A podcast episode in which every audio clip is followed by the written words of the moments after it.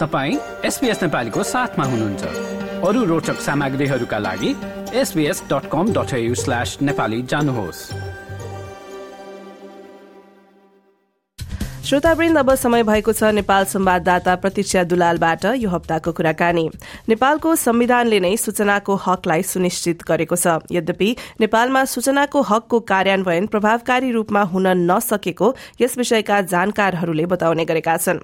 करिब एक महिना अघि पनि सरकारले सूचनालाई वर्गीकृत गर्न लागेको विवरणहरू आएका थिए। तर त्यसलाई सूचनाको हकको प्रवर्धन गर्न लागेका संस्थाहरूले विरोध गरेपछि हाललाई उक्त कार्य स्थगित भएको बुझिएको छ। नेपालमा सूचनाको हकको कार्यान्वयनको अवस्था के कस्तो छ त? यस विषयमा संवाददाता प्रतीक्षा दुलालले अभियन्ता तारानाथ दाहालसँग गर्नुभएको कुराकानी अबको प्रस्तुतिमा।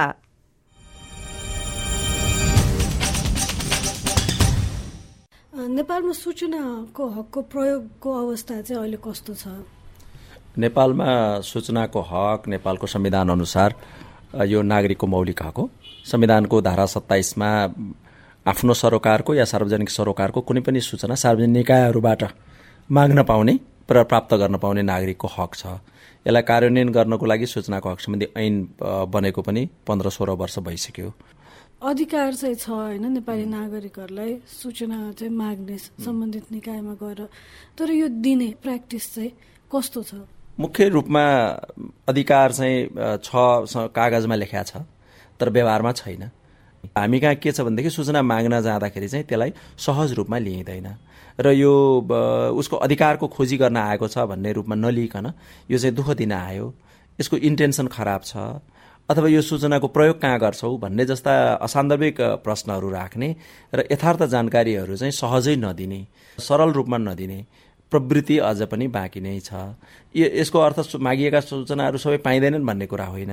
तर त्यसलाई सहजतापूर्वक त्यसलाई त्यो प्रक्रियामा आएका मानिसहरूलाई उनीहरूले खोजेका सूचनाहरू सार्वजनिक रूपमा दिनुपर्ने छ भने किनभने सबै सूचनाहरू दिइनुपर्छ भन्ने पनि हुँदैन। त्यसको केही एक्सेप्सन्सहरू हुन्छ जसलाई हामी सूचनाको हकको अपवाद भन्दछौँ।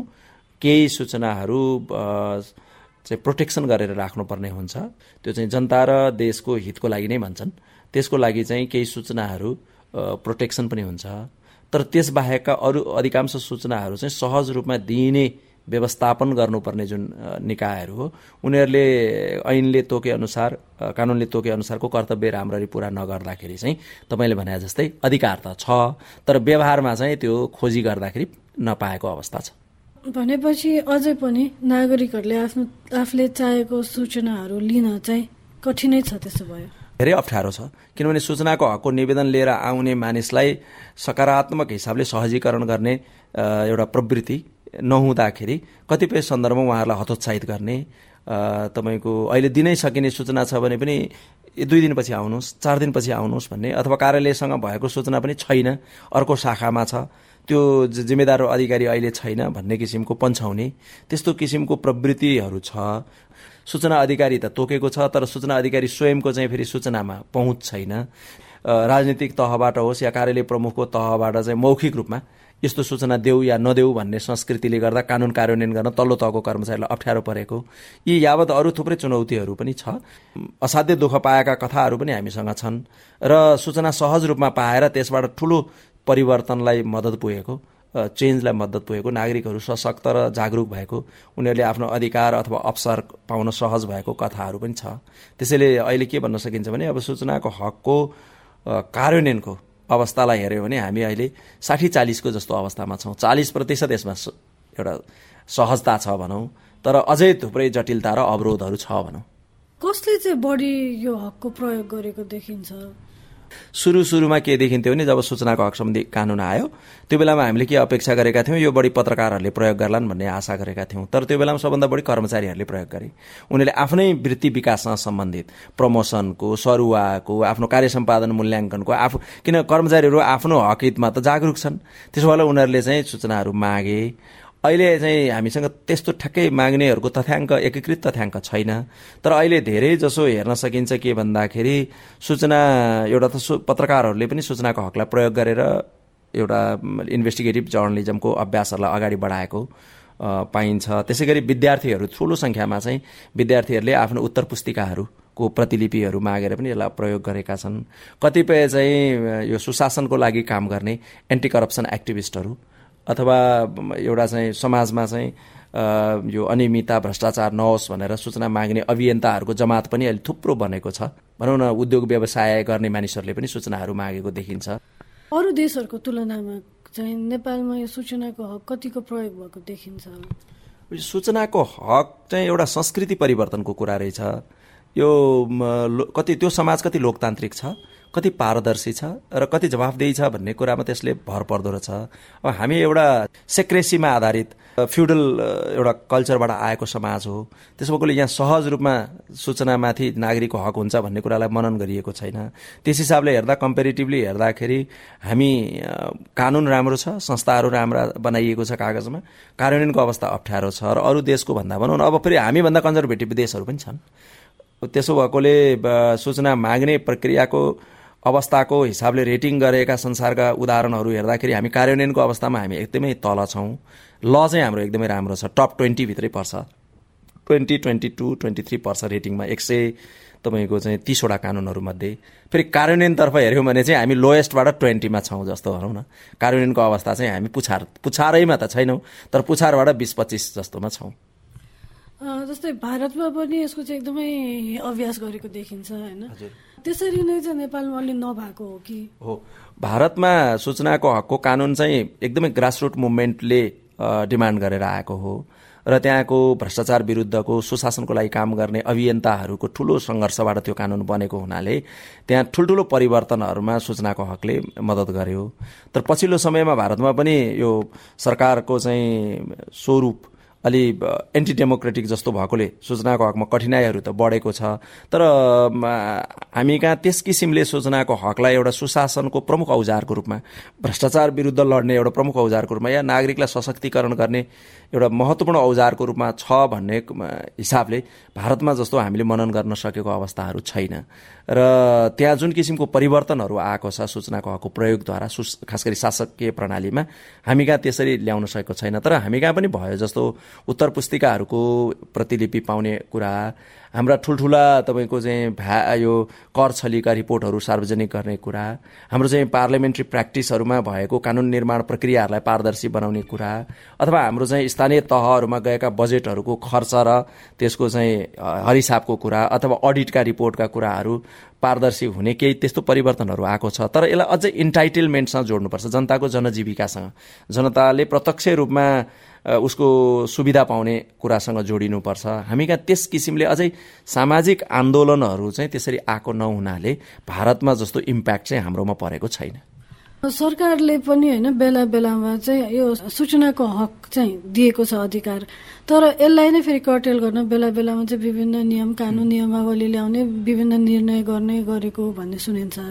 अब एउटा अभियन्ताको रूपमा चाहिँ यसलाई कसरी हेर्नु भएको छ र पछिल्लो समय पनि समाचारहरूमा चाहिँ आएको थियो कि सूचनाको चाहिँ वर्गीकरण गर्दैछ सरकारले भनेर। त्यसपछि त्यो एकाएक फेरि हरायो। सूचनाको हक एक किसिमले शासकीय परिवर्तन गर्ने र जनताप्रति उत्तरदायी र जवाफदेही हुनुपर्ने र अधिकतम रूपमा पारदर्शी अभ्यास अपनाउनु पर्ने एउटा चाहिँ मेन्डेटरी अवस्था सिर्जना गर्ने कानुन भएको हुनाले हाम्रो परम्परागत शासकीय मान्यतामा कर्मचारी होस् या राजनीतिक तह होस् यसलाई सहज रूपमा चाहिँ लिइँदैनन्। एक किसिमले यो एउटा जनताको औजार हो यो।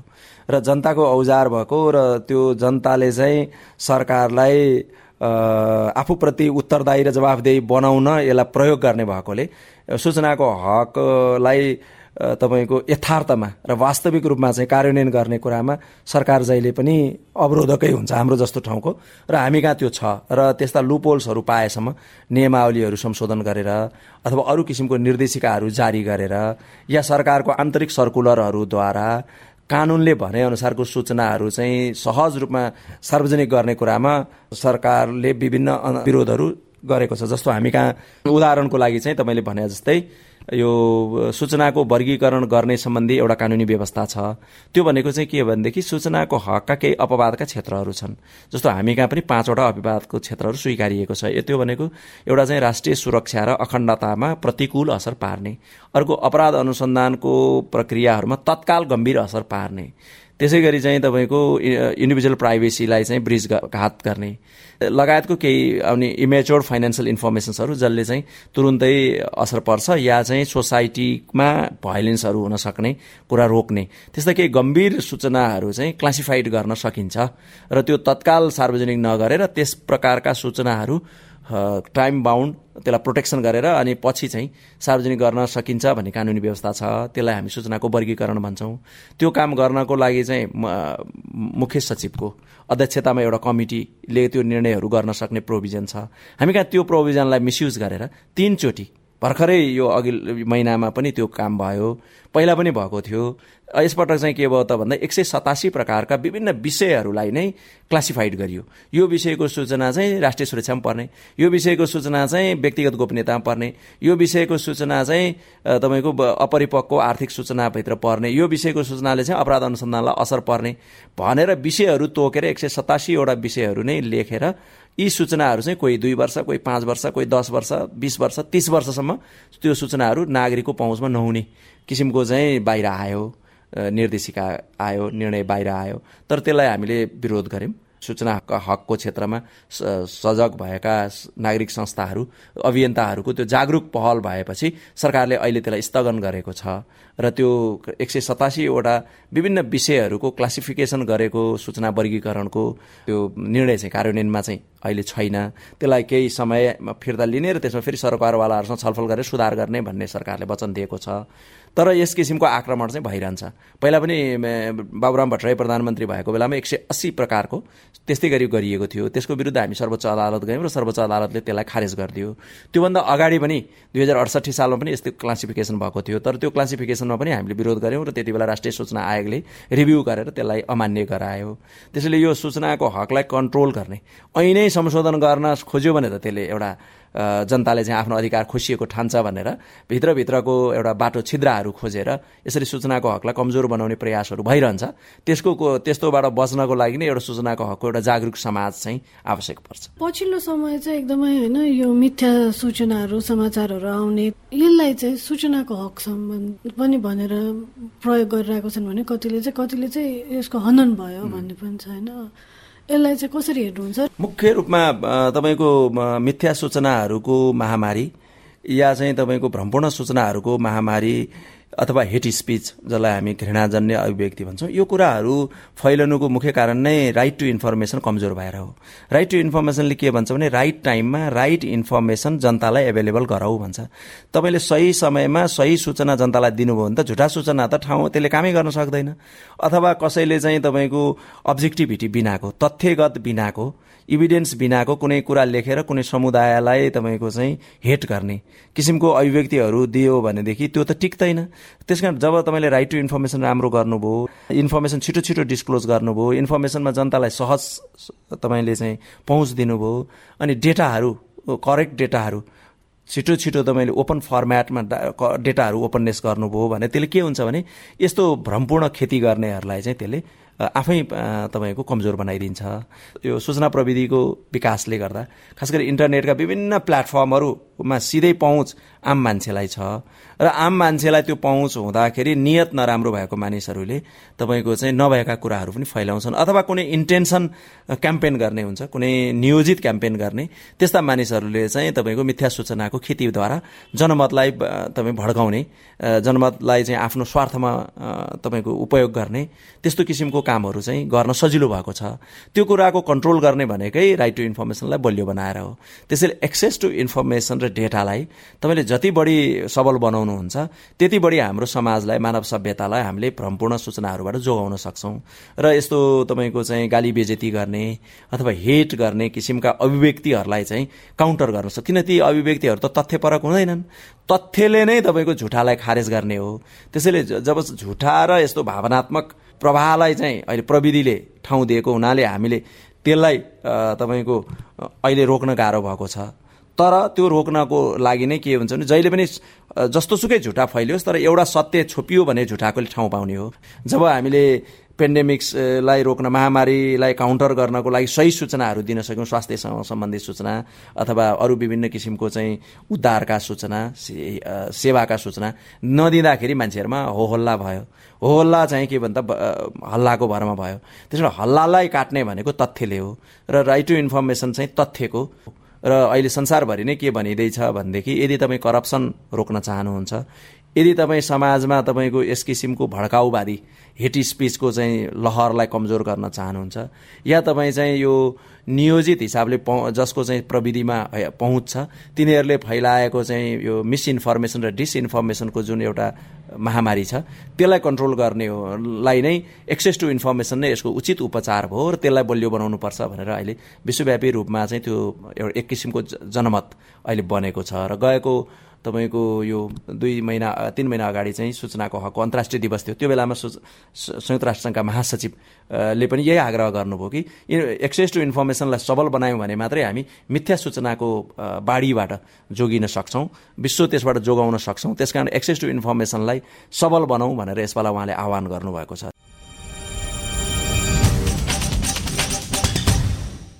र श्रोतावृन्द उहाँ हुनुहुन्थ्यो तारानाथ दाहाल सूचनाको हकको कार्यान्वयन सम्बन्धी नेपालमा अभियन्ता र संवाददाता नेपाल संवाददाता प्रतीक्षा दुलालसँगको यो पूरा कुराकानीलाई तपाईँले केही समयमा हाम्रो website SBS dot com dot AU forward slash नेपालीमा पाउन सक्नुहुन्छ। लाइक र कमेन्ट गर्नुहोस्। नेपालीलाई फेसबुकमा साथ दिनुहोस्।